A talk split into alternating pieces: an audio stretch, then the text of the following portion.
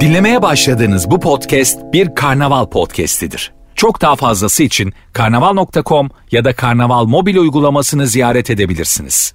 Cem Arslan'la gazoz ağacı başlıyor. Türkiye'nin süperinde, süper FM'de, süper program Gazoz Ağacı'nda hepiniz hoş geldiniz. Gürsüt Süper FM stüdyolarından canlı olarak kulaklarınıza sunduğumuz programımızda bugün yine sizlere şahane yemek var. Bunu yılbaşı yemeği olarak mı adlandırırsınız? Bir arkadaşımla sevdiğim insanla yiyeceğim yemek olarak mı adlandırırsınız? Ne olarak adlandırırsınız bilmiyorum ama söyleyeceğim şeyler şu ilk önce nefis bir yemek yiyeceksiniz ve bunu beleş yiyeceksiniz. Beleş, beleş. Ya beleş ya.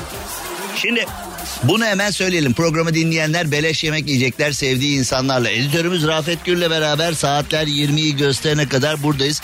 Şu anda radyoda nereden baksan 4 kişiyiz. Herkes kaçtı gitti.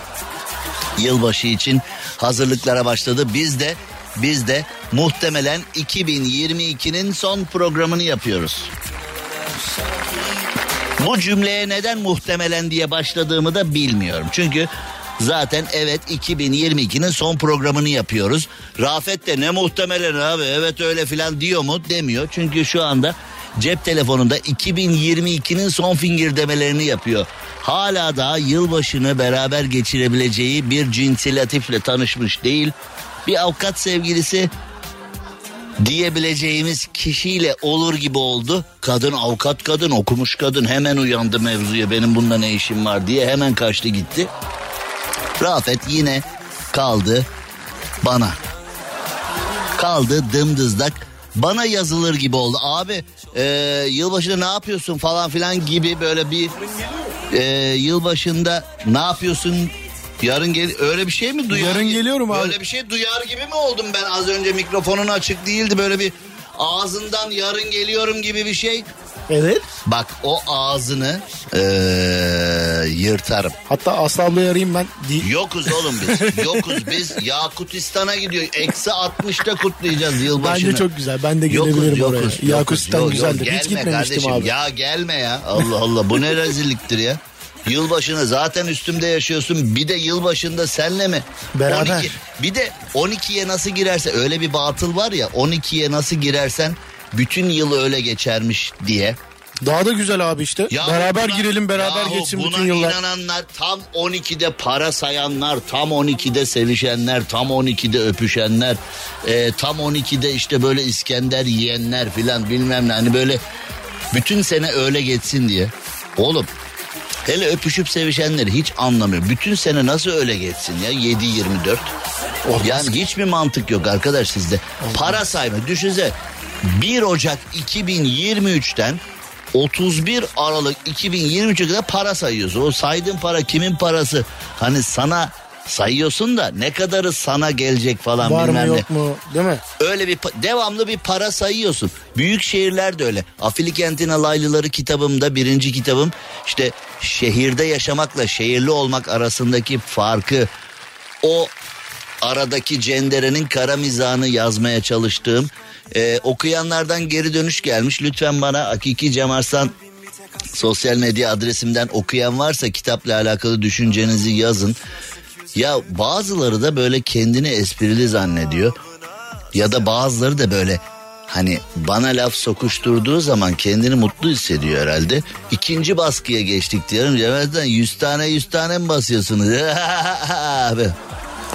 20'şer 20'şer. Ya öyle bile olsa yani kitap aleminde görülmüş duyulmuş bir şey değil de bu. Diyelim öyle bile olsa yani bizde bir grup var Türkiye Cumhuriyeti vatandaşı bir grup var böyle insanları bozmak, insanlara kendini kötü hissettirmek için çalışıyor Bence ve bunu da başardı. abi. Ya bunu başardığı zaman bence başarım. Onları kimse onlar bir toplumsal pislikler oldukları için kimse onları dikkate Hani- almıyor da.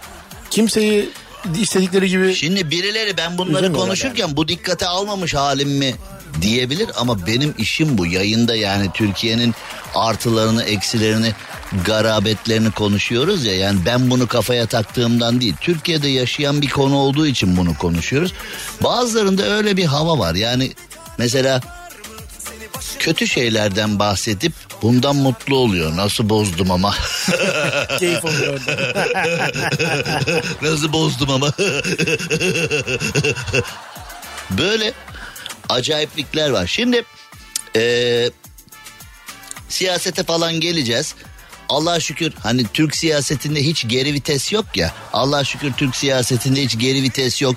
Hep böyle özümüz sözümüz bir. Hani bir dediğimizden geri dönmeyiz falan. Hani bunu Mısır'da Sisi'de gördük. işte Suriye'de Esed'de gördük. Ee, İsrail One Minute'de gördük. Ey Amerika'da gördük. Almanya bizi kıskanıyordu. Ey Avrupa'da gördük falan. Ee, mesela işte Devlet Bahçeli Cumhurbaşkanı Erdoğan'ı Haliç'te işte Omo Persil'le falan yıkıyordu. O zaman gördük. Ee, Devlet Bahçeli Recep Tayyip Erdoğan'la alakalı çok ağır şeyler söylemişti zamanında o zaman gördük falan. Türk siyasetinde geri vites yok ya hiç. Asla yok. Ne geri vites var ne verilen sözden dönme var. Ne cayma var filan hep böyle. Yani ne derlerse o. Söz bir. Şimdi e, Devlet Bahçeli ve Cumhurbaşkanı Erdoğan seçimlerde tarih değişikliği yok. Erken seçim yok. Seçimler zamanında yapılacak filan diyorlardı aylarca. Ben de demiştim ki erken seçim söylemine de inanmıyorum. Tarihinde yapılacağına da inanmıyorum. Konunun içinde siyaset varsa hiç kimsenin ağzından çıkan lafa inanmıyorum çünkü siyaset yalan söyleme sanatıdır. Bak laiklik onun için önemli. Şimdi dinimizde yalan söylemek günah değil mi? Dinimizde yalanın söyleneceği e, vatandaş Rafet biliyor mu? Dinimizde hangi koşullarda yalan söylenebilir? Dinimiz olup senin yalan söyleyip söylememen önemli değil. Dinimiz, dinimiz İslamiyet e, bazı koşullarda yalan söylenmesine müsaade etmiş. Onun dışında yalan söylemek günah diye bize öğretildi. Ama hepimiz ana dilimiz gibi hepimiz yalan yalıyız. Bak yalan yalıyız ya. Ana dilimiz gibi yalan konuşuyoruz yani. Öyle böyle değil ama. Hani Allah'tan günah da. Bir de demek ki yo yalan söyleme hiçbir problem yok. Günah da değil aramda değil filan derse abo buralar daha da durmam buralarda deyip hani yangın yeri yangın yeri abi der bize ya. Ben yılların yangın yeriyim böyle bir şey görmedim diye. Hani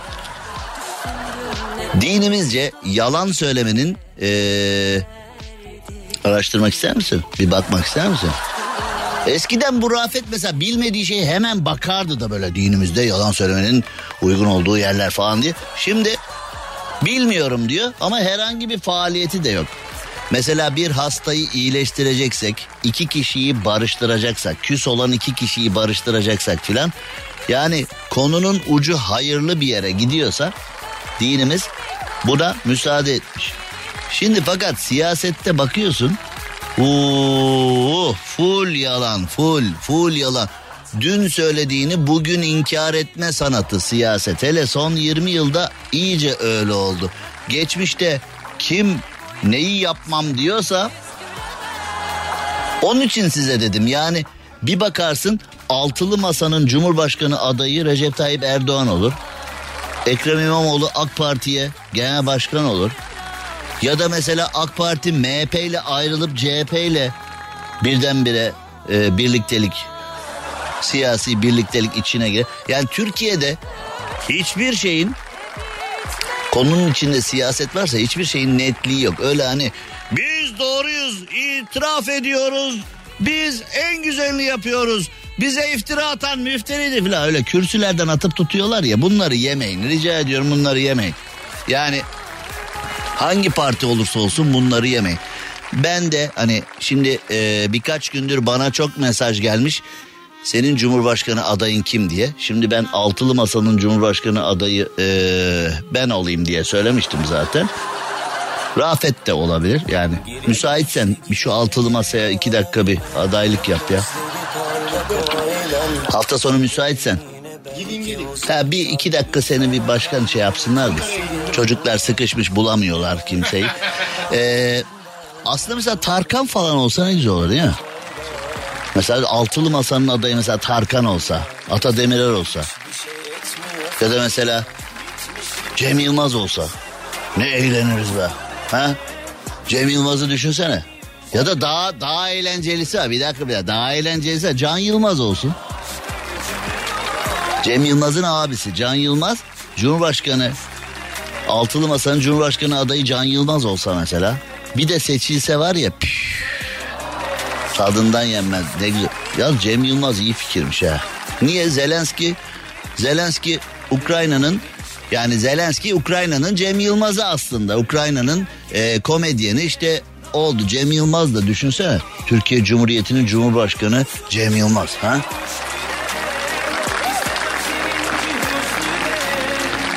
Yeni oyunumda ne anlatsam diye o derdi de kalkar ortadan. Süper olur valla. Şimdi ee, ya arkadaş Devlet Bahçeli de Cumhurbaşkanı Erdoğan da erken seçim falan yok. Erken seçim falan yok Bay Kemal heveslenme falan deyip şu anda Türkiye'nin gündemine birdenbire Mayıs'ta seçim yapalım geldi oturdu. Ha? 25 Mayıs benim doğum günüm. Doğum günüme yetiştirin bari. Seçimler bana doğum günü hediyesi olsun. Güzel olmaz mı? Ha? Süper olur valla. Şimdi artık e, çok konuştuk biraz çalışalım. Çok dalga geçtik biraz çalışalım. Uzaktan çalışanlar eskiye nazaran daha fazla çalışıyorlarmış. Böyle bir araştırma yapılmış. Şimdi home office dendiği zaman home office dendiği zaman hani evde dalgasını geçiyor, evde çalışmıyor ki kafası var ya dalgasını geçiyor gibi yani. Dalga geçiyor ya ne yapıyor ki home office demek dalga geçmek demek ama öyle olmamış. Yapılan araştırmada koronavirüs salgınının ardından pandemi döneminin ardından birçok kişi home office çalışırken anlaşılmış ki insanlar çok daha çok daha çok daha çok daha fazla çalışıyor. Şimdi evdesin ama belki de insanlarda içgüdüsel olarak ya evde yatmışsın kardeşim çalışmamışsın ki evde 2.80 yatmışsın. Aa ne güzel aa ne güzel radyo dinlemişsin. Evde yumurta kırmışsın takılmışsın. Aa ne güzel ne güzel dünya ne güzel dünya. Böyle zannedilir diye insanlar daha erken kalkıp daha çok çalışıp iş yerine daha faydalı olmuşlar. Home office birçok sektöre yaramış. Bilmiyorum şu anda beni dinleyen sevgili dinleyiciler 0531 785 90 80 0531 785 90 80 bana yazabilirsiniz. 0531 785 ve frekansımız olan 90 80 bana yazabilirsiniz. Bu konuyla alakalı e, canınız istiyorsa acaba sizin iş yerinize bu yaradı mı yaramadı mı daha mı iyi oldu daha mı kötü oldu uzaktan çalışanlar eskiye nazaran daha fazla çalışıyor. Ama benim bu konuda itirazım var. Yani uzaktan çalışanlar tamam mutlaka daha fazla çalışmıştır filan falan ama şunu da söylemek istiyorum ki şimdi çok çalışmak değil kaliteli çalışmak çok önemli. Yani çok çalışırsın çalışırsın çalışırsın çalışırsın çalışırsın ama bir şey üretemezsin. Yani bu bence çok e, önemli bir şey. 10 çocuğu olan tipe de o dayı amma çalışmışım be filan diyorlar.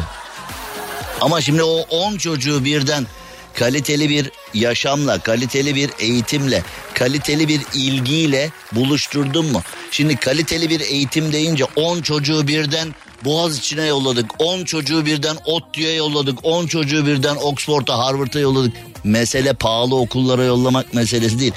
Ailenin vermesi gereken eğitim.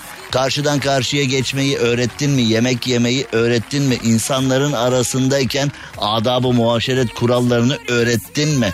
Büyükleriyle konuşmayı, küçükleriyle konuşmayı, paylaşmayı, doğru düzgün bir yaşamı öğrettin mi? Ulu Önder Mustafa Kemal Atatürk'ü ve silah arkadaşlarını bu ülkenin ne kadar zor kurulduğuyla alakalı e, destansı geçmişimizi, kurtuluş savaşımızı anlattın mı? Yani günah olgusunu anlattın mı? Allah korkusunu aşıladın mı? Yani bunlar çok önemli hikayeler. Şimdi 10 çocuk olmuş bakıyorsun saldım çayıra mevlam kayıra hiç hiç. Yani ailenin vermesi gereken ailenin vermesi gereken o aile eğitimi dediğimiz şeyi hiç vermemişler. E şimdi bakıldığı zaman 10 çocuğu olan dayıya da diyorlar ki çok çalışmışım dayı. Çalışmış da Acaba kaliteli bir şimdi iş yerlerinde bazı elemanlar vardır. Bizim Rafet öyle. 2 saat çalışır ama 10 saatlik iş çıkartır. Bak Rafet'i hani vurdu yerden yere ayrı konu ama yani o konuda iyi hani değil mi? Şımarma o konuda iyi. O konuda iyidir yani. Kısa zamanda çok kaliteli işler ortaya çıkartır. O konuda kardeşimin hakkını yedirmem. Diğer konularda yiyorum ama ben bizzat ben yiyorum zaten. Ee, şimdi iş yerinde bütün gün çalışan var. Mesela bilgisayarın hani böyle o klavyede tak tak tak tak tak tak tak tak çalışan ama fal bakıyor mesela. Ama bazı patron vardır bilgisayarın başından kalkmayan kişiyi çalışıyor zanneder. Vay be çocuğa bak tuvalete bile gitmiyor be çalışıyor be. Sonda bağlamış çalışıyor çocuk. Ördek var masanın altında gördüm tuvalete bile gitmiyor diyor. Ya bu iş değil ki abi. Şimdi yani akıllı bir yönetici, akıllı bir müdür, akıllı bir patron iş yeri sosyalleşmesiyle iş yerindeki disiplinli çalışmanın arasındaki bağı iyi kurar. Ama bazı e, patronlar var. Nasıl patron olduğu, nasıl yönetici olduğu belli olmayan işte böyle özellikle patronun akrabası yöneticiler falan var. Bulunduğu yere hak ederek değil de ailenin torpiliyle, babasının torpiliyle, partinin torpiliyle, Ankara'nın torpiliyle gelmiş tipler var. Bulunduğu yeri bulunduğu yeri hak etmemiş. Öyle tiplere bunu anlatamaz. Çalışın, çalışın. Sanki esir kampı yönetiyormuş gibi davranırlar. Onun için bu uzaktan çalışanlar eskiye nazaran daha fazla çalışıyor noktasında ben katılıyorum. Çünkü uzaktan çalışanın e, ürettiği iş daha güzel oluyor. Çünkü uzaktan çalışan hakikaten çalışıyorsa işin hakkını veriyor. Uzaktan çalışan ya evdeyim diye oturuyorum zannetmesinler deyip deli gibi çalışıyor. Bir de tipler oh işe de gitmiyoruz yaşasın be. Vallahi yaşasın. Kuruldum Netflix'in karşısına. Diziler filmler gelsin gelsin gelsin. Öyle değil. Şimdi kısacık bir ara vermemiz gerekiyor. Ardından ardından şöyle yapacağız. Sponsorumuz Doyuyor'un sizlere bir armağanı olacak. Yılbaşı yemeği dersiniz, hafta sonu yemeği dersiniz. Güzel bir arkadaşımla güzel bir an paylaştım dersiniz. Evet sevdiğiniz biriyle yemek yemek adına size bir armağanımız olacak. Kısa bir aranın ardından programı kaçırmayın. Bu armağana nasıl ulaşacağınızı anlatacağım. Ve biz şimdi Süper FM'de reklam arası verirken Gürsüt Süper FM stüdyolarından canlı olarak kulaklarınıza misafir ettiğimiz programımızda şimdi Hakiki Cem Arslan Instagram adresinden canlı yayındayız. Hatta hemen şu anda açıyorum siz de açın. Hakiki Cem Arslan Instagram adresinden evet açıyorum açıyorum açmak üzereyim açmak üzereyim açtım. Evet Hakiki Cem Arslan Instagram adresinde şu anda yayındayım. Beni oradan takip edebilirsiniz. Süper FM'de kısa bir ara Instagram'dan yayın devam ediyor. Cem Arslan'la gazoz ağacı devam ediyor. Türkiye'nin süperinde Süper FM'de yayınımıza devam edelim. Şimdi hayattaki en güzel şeyler ya ayıptır ya günahtır ya şişmanlatıcıdır diyorlar ya. Hakikaten de öyle. Şimdi bu şarkıya baktığın zaman gıybet çekemi yolla bizi diye. Şimdi sorsan yani dinimizde, kültürümüzde, her yerde gıybet günahtır değil mi? Yani mesela dedikodu yapmayın derler filan falan. Şimdi günah diyorsun. Hani şimdi bu eee, sevgili Çetin Altay'ın canım arkadaşım Çetin Altay'ın eee, hani temel içgüdü filmleri var ya hani Sümera'nın şifresi temel içgüdü filan bilmem ne. O film serisi var yani orada bir hocayı canlandırıyor. Ondan sonra hani ben size cep telefonunu kapatın demedim mi diyor camide. Dedin hocam diyor. Kapattınız mı diyor. Kapatmadım diyor. Sonra ben o telefonu size demedim mi alır o telefonu bir daha çalarsa o telefonu alır filan falan filan falan diyor. O sahneyi herkes hatırlıyor değil mi? Demek ki diyor demek ki diyor bazı korkular diğer korkularımızın Allah korkusunun önüne geçmiş diyor. Şimdi bizde de öyle bir şey. Şimdi bak bu şarkı Serdar Ortaç'ın o şarkısı. Yani gıybet göya günah Gö, yani göya değil günah da. Hani göya biz bundan çok korkuyoruz ama baktığın zaman yani uğruna televizyon programları falan var. Yani tamamen dedikodu olan televizyon programları var filan. Biz günah olan ne varsa alıp dahil etmişiz. Ama sorsan işte Allah korkumuz var. Sorsan günah işlemekten korkuyoruz. Sorsan şu bu bilmem ne. Mesela yani sonucunu bildiğimiz şeyleri yapmaktan garip bir zevk alıyoruz. Aslında psikologlar, sosyologlar bunu araştırmalı. Mesela sigara içince kanser oluyorsun diyorsun. Hani bağımlı olanlar. İçiyor mesela. Diyorsun ki ya içiyorsun. Evet bırakmayı da düşünmüyorum. Son nefese kadar içeceğim. Falan böyle tipler var. Sonra kanser. Doktor kanser gırtlağımı deldiler yetişin falan. Doktor ne yapsın oğlum sana?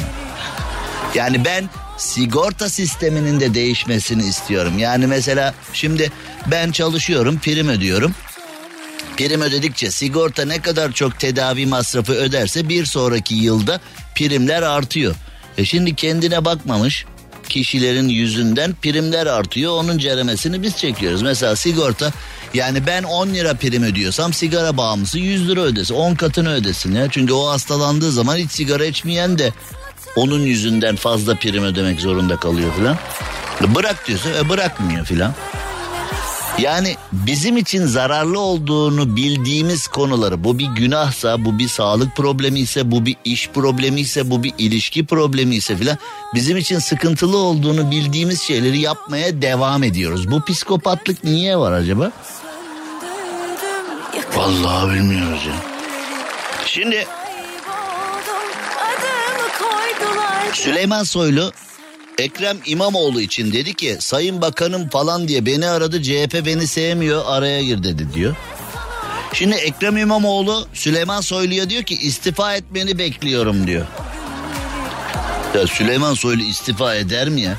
Süleyman Soylu ile alakalı neler neler neler neler neler yurt dışında yaşayan gazetecileri takip ediyor musunuz onların YouTube sayfasını bilmiyorum.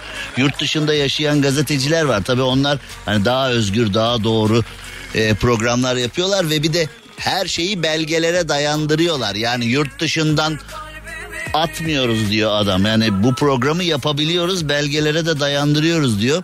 Şimdi Süleyman Soylu ile alakalı da bir sürü şey var. Bunlar doğrular. Yani beni sinirlendiren veya bana garip gelen şey bunlar doğrulanmıyor da yalanlanmıyor da. Hani yok gibi davranılıyor. Ya arkadaş bir sürü insan mesela şimdi yurt dışında yaşayan gazetecilerin yaptığı programlardan dolayı e, Cumhurbaşkanlığı danışmanlarından istifa eden oldu, görevden alınanlar oldu filan doğrulanmıyor, yalanlanmıyor filan. Bir enteresan bir şeyler oluyor.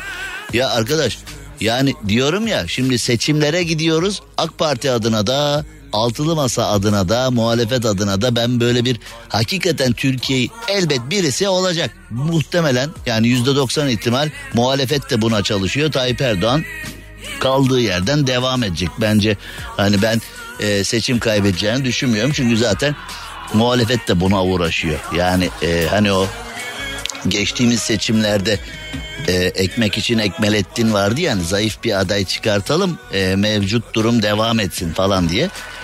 Çünkü e, Rusya kalsın istiyor, Amerika kalsın istiyor, Avrupa kalsın istiyor, İsrail kalsın istiyor, Yunanistan bile kalsın istiyor. Yunanistan'da gazetelerde bazı köşe yazarlarını okuyorum. Diyor ki Yunanistan e, Tayyip Erdoğan'ın Cumhurbaşkanı adaylığını destekliyor diyor. Çünkü Tayyip Erdoğan'ın sayesinde Amerika'dan ciddi para kopartıyor diyor. Şimdi enteresan böyle bir yaklaşım olmuş Yunanistan'da. Diyor ki Tayyip Erdoğan kalırsa Tayyip Erdoğan e, Yunanistan'a karşı sert konuşuyor. Yunanistan da bu sert konuşmaları koz kullanarak Amerika'dan para istiyor, silah istiyor, onu istiyor, bunu istiyor. Çünkü içten içe Yunanistan da destekliyor diyor filan. Ya arkadaş nerelere gelmiş işler ya? Ya biz de yani şimdi sokaktaki insan dediğimiz hani o e, Mehmet Ali ı, ı, sokaktaki insan filan dediği noktada biz istiyoruz ki enflasyon normale gelsin, ev kiraları normale gelsin, kazançlar artsın, asgari ücret artsın, eve yumurta, peynir, kıyma alabilelim, aracımıza benzin alabilelim, ee, insan gibi yaşayabilelim. Sadece yaşamaktan ziyade nefes alıp vermekten ziyade hobilerimize vakit ayırabilelim. Kitap okuyabilelim. Kültür sanat faaliyetleri yapabilelim falan. Ee, Ama böyle giderse abdest için su bulamayacağız. Ben size söyledim teyemmüm nedir diye araştırmalara başlayın diye. Dün söylemiştim size. Şimdi biz bunlarla uğraşırken Ekrem İmamoğlu ile Süleyman Soylu birbirlerine gönderme yap. Ya arkadaş memleketin bin tane sorunu var. Siz kendi koltuğunuzu, kendi saltanatınızı, kendi avanta levantanızı devam ettireceksiniz diye artık insanlara bu kadar kötü davranmayın ya. Ama memlekette şimdi yani ben sağcı da değilim, solcu da değilim, AK Partili de değilim, CHP'li de değilim ama kime oy vereyim diye düşünen bir vatandaş profili varsa işi gerçekten zor. Ötekilerin işi kolay. Yani ötekilerin işi kolay. Şimdi eğer böyle hani ben ölümüne AKP'liyim, ölümüne reisçiyim filan, inadına reis filan diyen birine ne anlatırsan anlat. Ne anlatırsan anlat inadına reis diyor. Ya da mesela arkadaş benden AK Parti'ye oy çıkmaz ne olursa olsun diyen biri de inadına cevap ediyor. Birileri inadına MHP diyor. E onların işi kolay. Oralarda sorun yok. O kemik seçmenle alakalı sorun yok. Ama ben boş lafa karnım tok kardeşim. Projeye bakarım, lidere bakarım. Türkiye'yi yönetip yönetemeyeceğine kanaat getirmem lazım filan diyorsan ah, işte o zaman ayvayı yedin. İşte o zaman ayvayı yedin. Ben böyle e, kayıkçı kavgasına bilmem neye değil projeye ve duruşuna bakarım. Türkiye Cumhuriyeti Cumhurbaşkanlığına yakışıyor mu yakışmıyor mu projelerle bizi ileri götürür mü götüremez mi sorunlara çare bulur mu bulamaz mı bunu hissettiğim anda adaya oy vereceğim diyorsan ayvayı yedin işte o zaman ayvayı yedin o e, hani inadına CHP inadına reisçilerin arasında darma dumansın bak ben sana söyleyeyim. Orada iş fena. iş fena çünkü birbirlerine dalmış vaziyetteler. Siyasi avanta levantalar için e, vatandaş perişan. Bunu umursayan da yok gibi gözüküyor. İktidarda da muhalefette de. Allah sonumuzu hayret. Cem Arslan'la gazoz ağacı devam ediyor. Evet Türkiye'nin süperinde Süper FM'de yayınımıza devam edelim. Şimdi hani doktorlarımıza, hemşirelerimize, sağlık personelimize saldırıyorlar ya. Yani e, bu konu kanayan bir yara ama bu konuda çok enteresan haberler, çok enteresan şeyler oldu. Fakat yine bir şey yapılmadı, yapılmadı, yapılmadı, yapılmadı. Çünkü e, gerçekten çok enteresan. Hep aynı soruyu soruyoruz. Mesela Maganda'nın biri gidiyor acil serviste doktoru, hemşireyi, oradaki güvenliği ya da bir sağlık personelini dövüyor.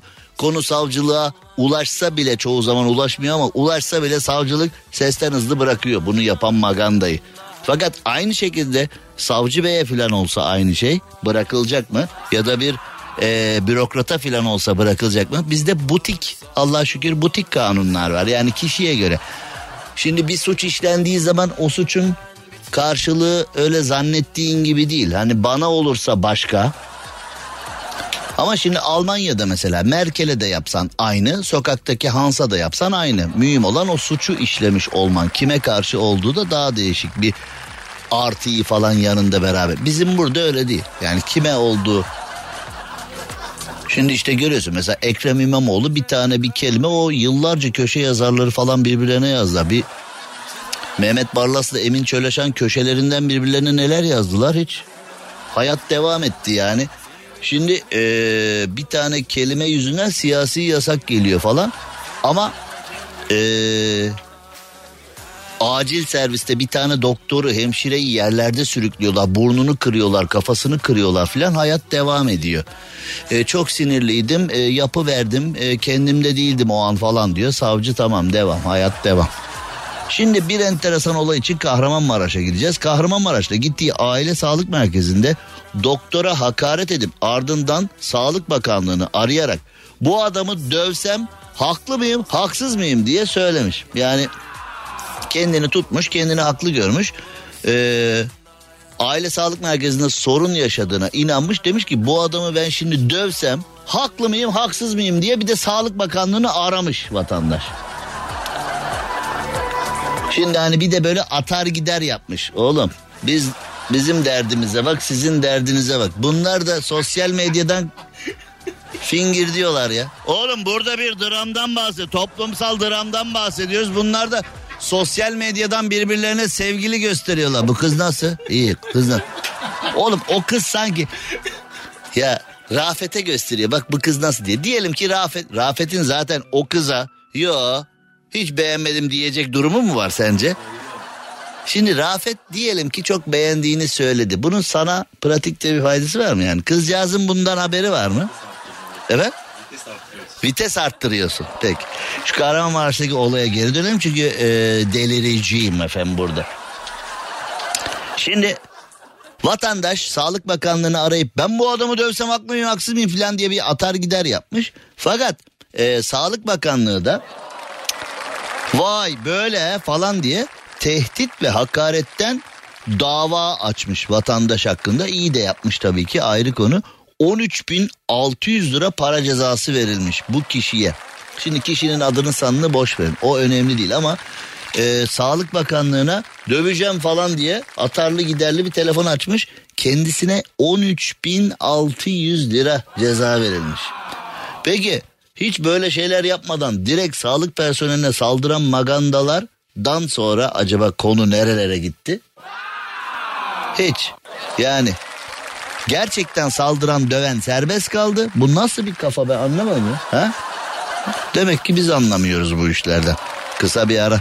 Cem Arslan'la gazoz ağacı devam ediyor. Türkiye'nin süperinde, süper FM'de, süper program gazoz ağacında yayınımıza devam edelim. Yeni saatimizde Gürsüt Süper FM stüdyolarından canlı olarak sizlere sunduğumuz programımıza devam ediyoruz. Dostlara bir selam yollama vakti. Şimdi dostlar bizi dinliyormuş. Mert Mert Küçük Ali'ye bir selam yollayalım. Bütün fabrika beni dinliyormuş şu anda. Fabrikaya kolay gelsin. Ee, akşam vardiyasında fabrikada işi biliyorlar tekstilciler. İşi biliyorlar Düzce'ye. Düzce'ye bir selam yollayalım. Bak tekstile. Ee, bütün fabrika beni dinliyormuş. Mert Küçük Ali akıllı adam. Beni dinletiyor verim artıyor. Ha, değil mi? Akıllı patron. Beni dinleyince verim artınca ne dikiyorsunuz oğlum bize de verin ya. Fabrikayı genel olarak göstermişler. Ne dikiyorlar Rafet burada? Bak bakayım fabrikada bir şey bir şey dikiyorlar ama Vallahi ne diktiklerini göremedim ama kocaman fabrika, kocaman fabrikanın e, merkezi sistem ses düzeninde biz varız. O zaman bak tekstile e, Mert Küçük Ali'ye bir selam yollamış olalım. Şimdi sevgili Yasin Özkaya da spor camiasının duayen medya mensuplarından bir tanesi, duayen isimlerinden bir tanesi. Kızı Elif'le beraber beni dinliyormuş. Sevgili Yasin Özkaya ve kızı Elif Özkaya'ya selamlar, sevgiler olsun. Ve onlara da kolay gelsin diyelim. Şimdi Gürsüt Süper FM stüdyolarından canlı olarak sunduğumuz programımızda e, bir garip hikaye var sırada. Gerçekten çok garip. Ben bunu e, düşün ben oturtamadım kafamda. Şimdi Joy Curtis 2010'dan beri haber alamadığı oğlu Nicholas'ın vefat ettiğine inanıyormuş. Yani e, bunu bir kenara koyalım. Yani bir tane Joy Curtis 2010'da haber alamamış oğlundan demiş ki öldü. 10 yıldan fazla bir süredir oğlundan haber alamayınca onun öldüğü fikri annesi Curtis tarafında daha da kuvvetlenmiş. Demiş ki bu kesin öldü. Ya arkadaş bir çık bir ara bir sor soruştur. Yani her ortadan yok olan ölmüş mü oluyor yani? Peki. Anne Curtis gerçeği öğrendiğinde bütün gün ağlamış. E yani anne Curtis de yani yani bir annenin gözyaşları normalde bizi üzer ama şimdi hani böyle neredeyse müstahak diyeceğim yani.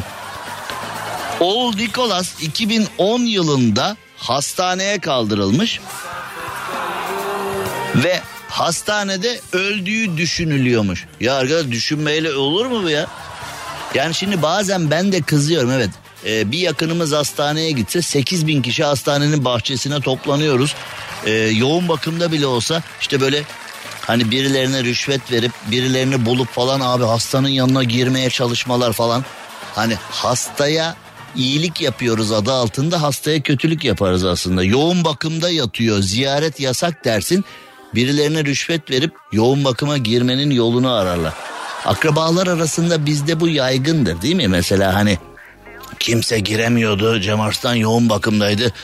Rafet oradan bulmuş birini bir yüzlük sıkıştırmış.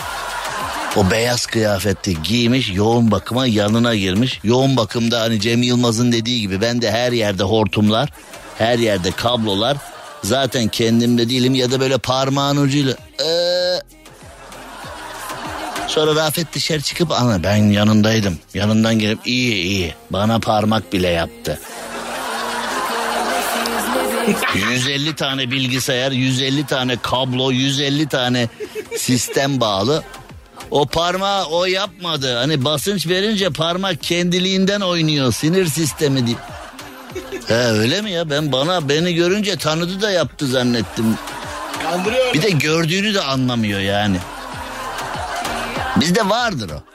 Ama bu kızdığımız konu belki de iyi bir konu. Bak yani orada hani birinden sekse birinden sekmez değil mi? Yani mesela 2010'da bizim bir akrabamız hastaneye yattı. E, Valla bilmiyorum çıktı mı öldü mü oradan direkt gasilhaneye mi gitti oradan morga mı gitti yoksa evine mi çıktı filan. Bizde böyle bir şey söz konusu bile değil biz biliriz yani değil mi?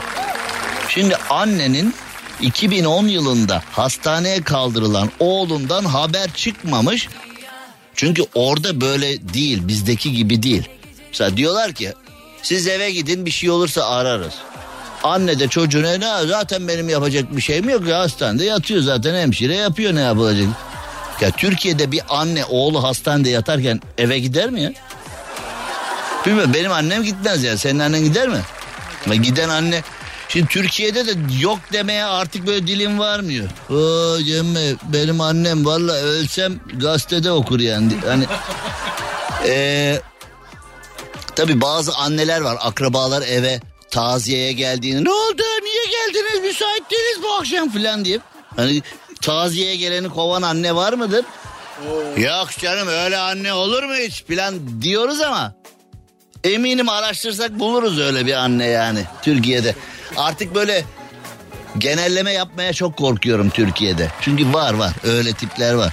Yeni doğmuş bebeği çöpe bırakıp giden tip var ondan ne bekliyorsun o işte ha? Cem bebeği bırakırlar da 20 sene büyüttükten sonra o yatırımı bırakmazlar bir daha. Yani e, o hani orada mantıkla bir yatırım var orada. Bebekte yatırım yok. Bebekte yatırım yok. O doğmuş direkt terk etmiş yani orada bir yatırım yok ama 20 sene baktıktan sonra bırakmazlar Cem yani öyle Boylandı postlandı. boylandı postlandı. He? Ay anam ay. Şimdi e, anneye demişler ki oğlun burada senin yapacağın bir şey yok sen eve git. Kadın da eve gitmiş. Sonra bir daha aramamışlar hastanede.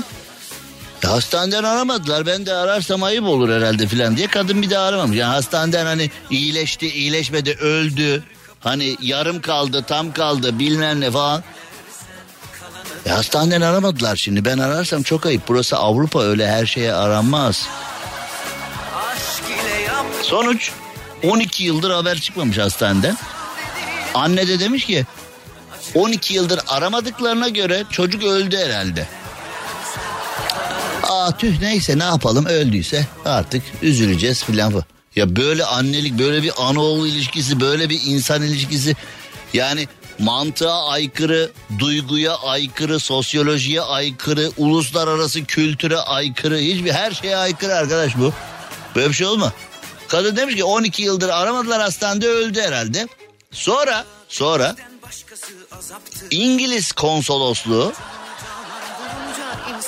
ikinci kez bir Fransız hastanesine kaldırıldığı konusunda anne Curtis'le bağlantıya geçmiş. Bak İngiltere Fransa arasında kriz olmuş konu. Yani İngiltere hükümeti ve Fransa hükümeti dayanamamış artık bu konuya. Anne de ararlar ararlar bir şey olsaydı ararlardı onlar diye. Aramadığına göre öldü demiş anne. Sonra İngiltere Fransa konuyu çözmeye çalışmış. Sonra ee, İngiliz konsolosluğu anne Curtis'i aramış demiş ki oğlunuzla telefonda konuştuk sağlıklıydı. Eve gidecek misin diye sorduk evet dedi demiş. Çocukcağızın çilesine 12 annem aramadı mı hala diye hani Bekliyorum burada. çocuk da 12 yıl sonra ilk annem arayacaktı ne oldu filan 12 yıldır tuzsuz yağsız hasta yemeği öldüm ya. Gel oğlum sana doyuyordan bir tenders menü bir şey ısmarlayalım da kendine gel ya. Giderken de gür sütten bir paket yaparız. Bir kendine bir peynir ye bir kendine gel. Annem şey yapacaktı hemşirem o, o şey olmadı mı acaba diye. Çocukcağız evet eve gideceğim demiş. Sonra kadın bak hala da kadın Kadına diyorlar ki oğlun öl 12 yıl sonra oğlun ölmedi şu anda hastanede diyorlar kadın bütün gün ağlamış. Ya kadın bir git çocuk 12 yıldır seni bekliyor bir yanına gitsene çocuğun ya bütün ne yaşıyor mu? Ya bu da üzüntüden mi ağlamış sevinçten mi o da belli değil. Bütün gün ağlamış. Çocuğa de, e, özür dilerim kadına demişler ki oğlun ölmedi kadın bütün gün ağlamış. Ya arkadaş hani Müge Anlı'da falan izliyoruz şimdi eee, kardeşini arayanlar, karısını arayanlar, kocasını arayanlar, çocuğunu arayanlar bilmem ne falan. Hani o buluşma anı filan tansiyonlar düşüyor herkes kendinden geçiyor. Kadına diyorlar ki oğlun yaşıyor ölmemiş 12 sene sonra kadın ağlıyor. Çocuğun da çilesi işte aileni seçemiyorsun ne yapacaksın? Bir başka ev hikayesi evde yalnız bırakılan köpek yangın çıkartmış. Yakarım burada. Yakarım bu evi. de. Yani şimdi köpek besleyenler bilirler. Köpeğinize iyi davranmazsanız köpeğiniz e, çişini kakasını evin ortasına yapar falan. Hani böyle e, evde yastığı parçalar, en sevdiğin ayakkabını parçalar falan. Hani evde neler yapar neler. Madem beni evde bıraktınız ilgilenmiyorsunuz. Ben de evi darma duman ederim der. Sonra sen eve gelip kızdığında koltuğun altına girer, yatağın altına girer falan filan. Şudur budur. Fakat e, bu köpek evde yalnız bırakıldığı için ne öyle ya yastık kemirmeler falan onlar geçmiş yüzyılda kaldı. Ben asil bir köpeğim yakışır mı bana daha medyatik daha sansasyonel bir şey yapmalıyım daha sofistike bir şey yapmalıyım deyip saç kurutma makinesini çalıştırmış. Nasıl çalıştırdığına dair bir bilgi yok. Fişe de takmış mı acaba bilmiyorum. Yani saç kurutma makinesini çalıştırıp uzun süre çalıştırıp eee, kofraları attırmış ve atan kofralar evi komple yakmış. Eee, ev sahibi eee, yangın kısa sürede söndürülmüş yatak odası sadece hasar görmüş ve İngiliz hükümeti ve Essex itfaiyesi demiş ki elektronik aletlerinizi fişte bırakmayın evde kedi köpek hayvan varsa elektronik aletleri evde bırakmayın demiş. Ee, Antalya'da şimdi e, bir yangın haberi de bizde var. Yani bu evde yalnız bırakılan köpek evi yakmış. Bir yangın haberi de bizde var dedim. Antalya'da İran uyruklu bir kişi evin balkonunda çıkan yangını itfaiye gelince öğrenmiş. Evde uyuyormuş itfaiye gelmiş. Ha, ne oldu? Bir uyutmadınız ya siren miren bilmem ne. Hortumu da getir ağzımıza dayadınız ya. Şurada iki lokma yiyeceğini uyutmadınız ya. Evin yanıyor dayı deyip hani ne? Neye uğradığını anlamayan şahıs zaten bunda bir anlama problemi olduğu belli. Neye uğradığını anlamayan şahıs diyor. Evi yanıyor onu anlamayan neye uğradığını anlar mı arkadaş? He? Yangından haberi olmadığını, yangını itfaiyeden öğrendiğini söyledi. Muratpaşa ilçesi Yeşildere mahallesi 28-30 sokak üzerinde iki katlı bir evin balkonunda çıkmış. Ee, balkonda dumanları, alevleri gören vatandaş itfaiyeye haber vermiş. 112 acil çağrı merkezine gelen ihbarla beraber bölgeye polis, itfaiye ve ambulans ekipleri gitmiş. İtfaiye ekibi kapıyı çalmış. İtfaiye de yani hani balkon yanıyor. İyi günler eviniz yanıyor. Aç kapıyı. Oğlum belki itfaiye eve gitmiştir. Bu evdeki kişi dilenci diye kapıyı da açmamış olabilir. ya da satıcı diye. Yok yok lazım değil lazım değil. İtfaiye. Yani şimdi düşün evin yanıyor sana en lazım olan şey itfaiye Ve itfaiyeci kapıya gelen itfaiyeciye sen dürbünden bakıp lazım değil diye kovuyorsun. Nasıl? Süper değil mi? Ha? Yok yok almıyoruz almıyoruz. Ne satıyorsunuz siz? İtfaiye kıyafet. Kıyafet mi? Yok lazım değil. Al. İyi günler. 10 ciltlik ev kazaları ansiklopedisi satıyoruz. İster misiniz. Hani Yanlış anlamayın dilenci değilim. Bir liranız var mı kıymalı pide yiyeceğim diye. Hani Artık bana da yanlış anlamayın dilenci değilim. Bir kova suyunuz var mı yangını söndüreceğim diye. Ya arkadaş ee, kapıyı açmamış ya. Oğlum açsana ev yanıyor demişler. Zar zor açtırmışlar. Ya kusura bakmayın ben hiç bilmiyorum ev yandığını falan hiç...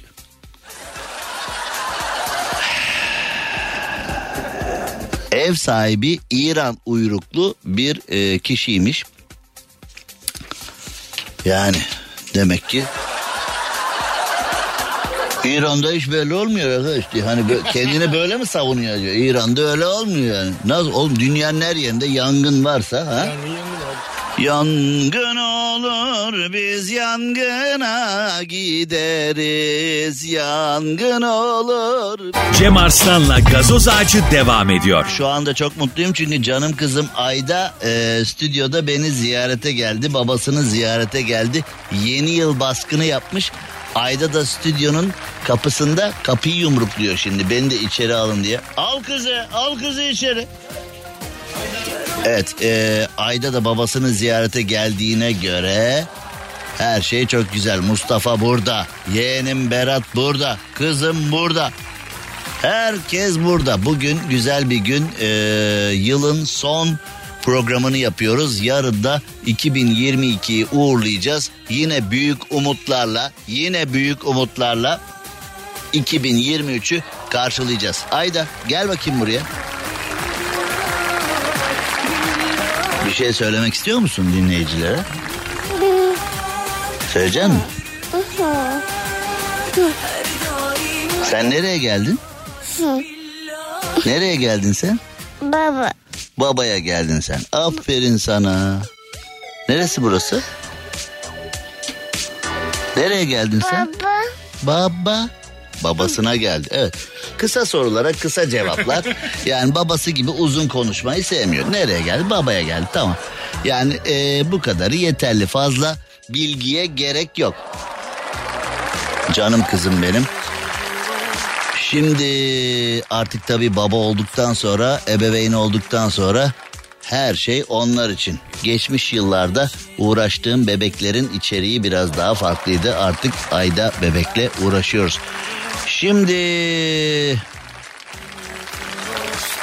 Stanford Üniversitesi'nde okumak ister misin desem birine bir öğrenciye herkes çok mutlu olur değil mi? Aynen ayda kapıyı zorluyor şu an. Beni de alın, beni de alın içeri. Stanford Üniversitesi'nde yaklaşık bir yıldır öğrenci taklidi yapıp yurtta kalan adam yakalanmış. Onu ne zaman görsek içeri alırdık çünkü insanları tanıyor gibiydi demiş güvenlikte.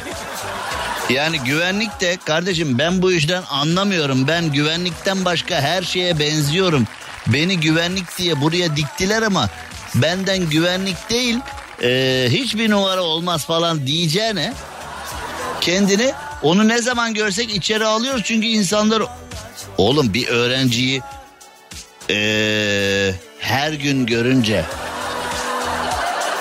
ve görmemen gereken zamanlarda da görünce hiç şüphelenmiyor musun ya? Yani bir güvenliğin görevi herkesten her şeyden şüphelenmek değil mi? Yani aldığı maaşı hak etmek istiyorsa hani polis, güvenlik, kolluk kuvvetleri bu arkadaşların görevi şüphelenmek. 27 Ekim'de yakalanan William Curry Amerika'nın Kaliforniya eyaletinde okul kampüsünden çıkarılmış. Forrest, Forrest Gump filmini hatırlar mısın? Orada Tom Hanks'i hatırlar mısın? Hatırlarsın. Terminal filmini Tom Hanks'in Terminal filmini hatırlar mısın ki Terminal filmi gerçek bir hikayeden yapılmış. Orada da baba e, ülkesinde ihtilal oluyor. Amerika'da kalıyor terminalde ve e, ülkesine gidemiyor. Tom Hanks o ülkeyi hatırlıyor musun? Terminal filminde hangi ülkeydi hatırlıyor musun? Bak bu var ya kim 500 milyar ister de final sorusu olabilecek bir şey yani. Terminal filminde hangi ülkeydi?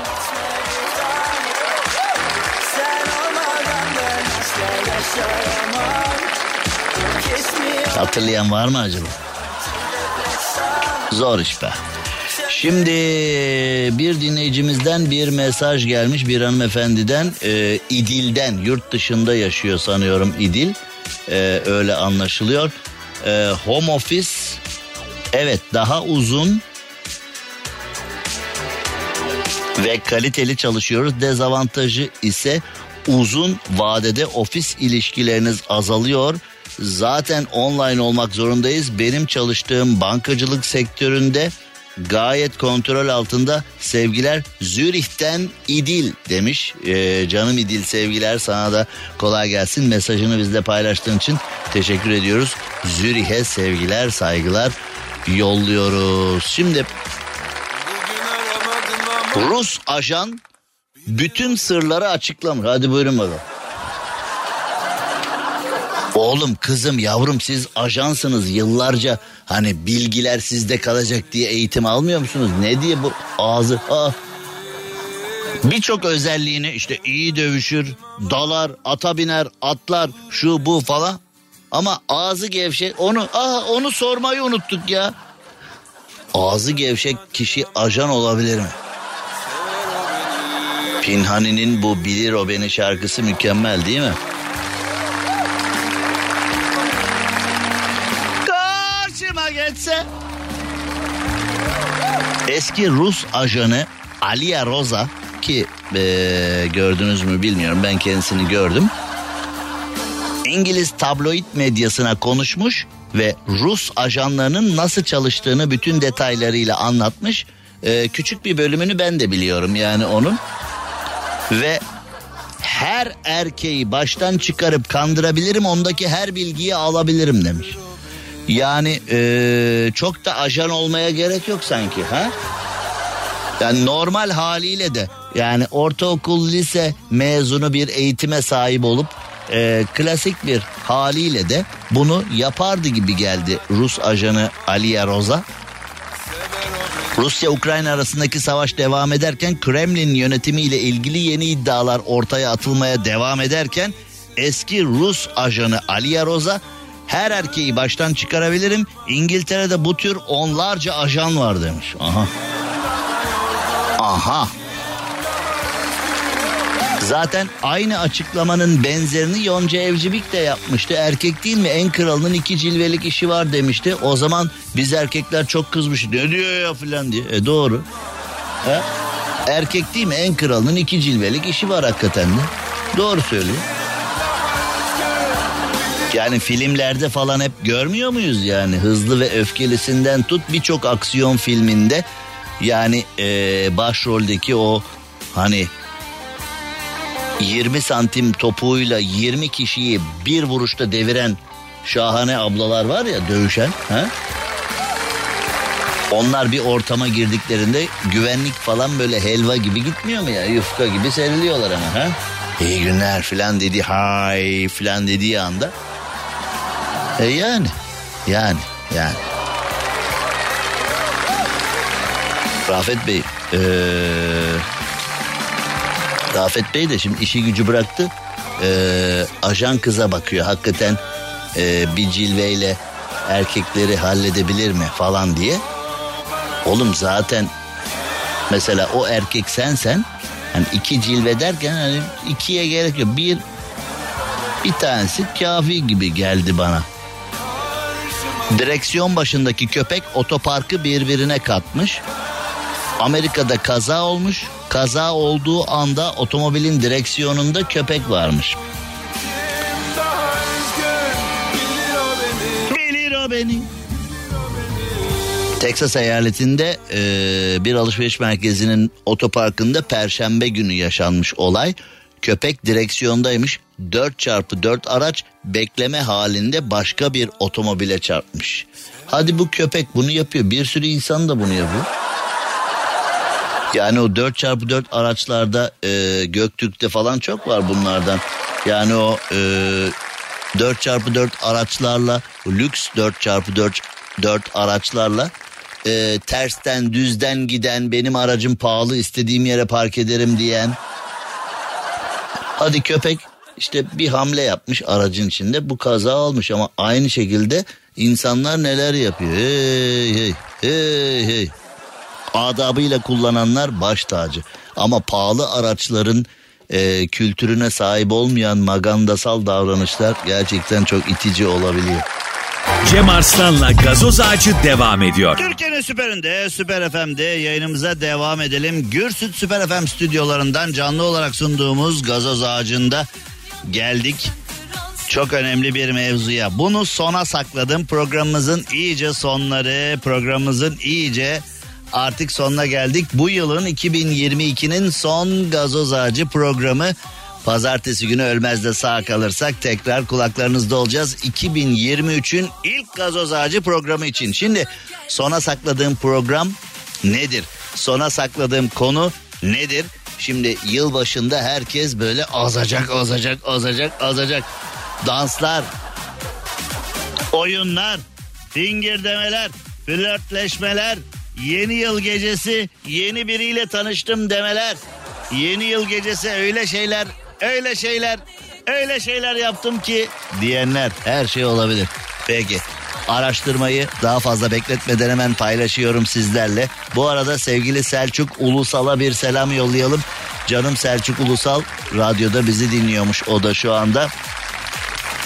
Fuarlar konusunda duayen isimlerden bir tanesi sevgili Selçuk Ulusal'a ve arkadaşlarına selam yollayalım.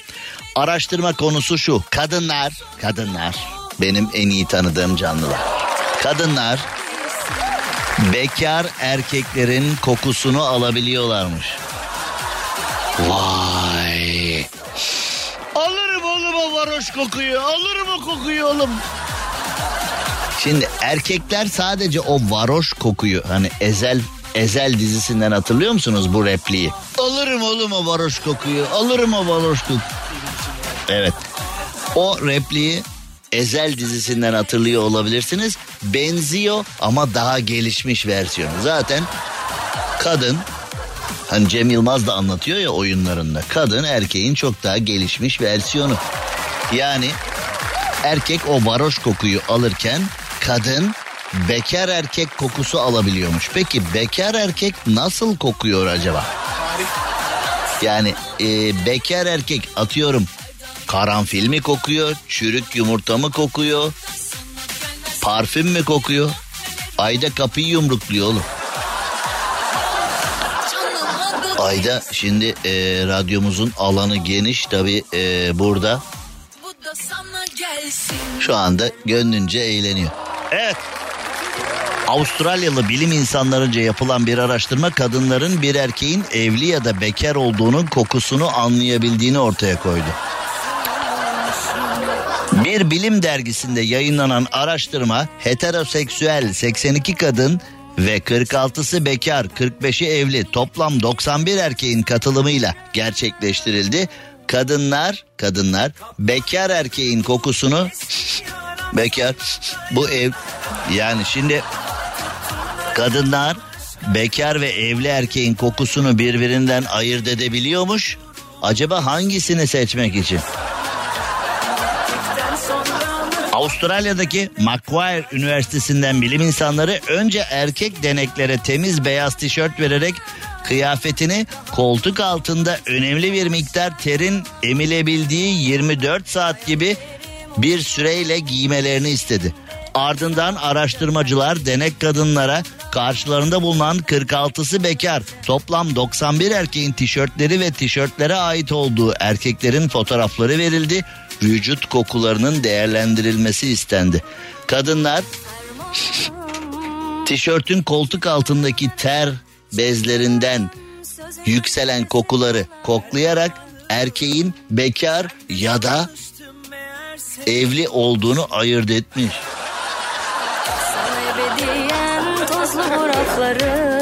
Ayrıca evli kadınların bekar erkeklerin yüzlerini evli erkeklere nazaran daha erkeksi olarak değerlendirildiği de tespit edilmiş. Oğlum bu araştırma ocak söndürür. Bu ne biçim araştırma ya? Kadın bekar erkeğin kokusunu alabiliyormuş. Biz de masum Kenan Doğulu'ya selam olsun. Kenan da şarkı yapıyor. Havada aşk kokusu var falan diye ha. Bekar erkek kokuyor burası diye ha. Yani bizde bekar erkek yine e, sevgili dost Cem Yılmaz anlatmıştı oyunlarında. E, bekar erkek kokusu deyince bizde asker koğuşu akla gelebilir diyeceğim ama askerliğini yapan insanlar için söylüyorum o koku pek hatırlanacak gibi yani unutulmayan bir koku ama hatırlamak istemezsin. Yani bizdeki bekar erkek kokusu elin oğlu değişik işlere imza.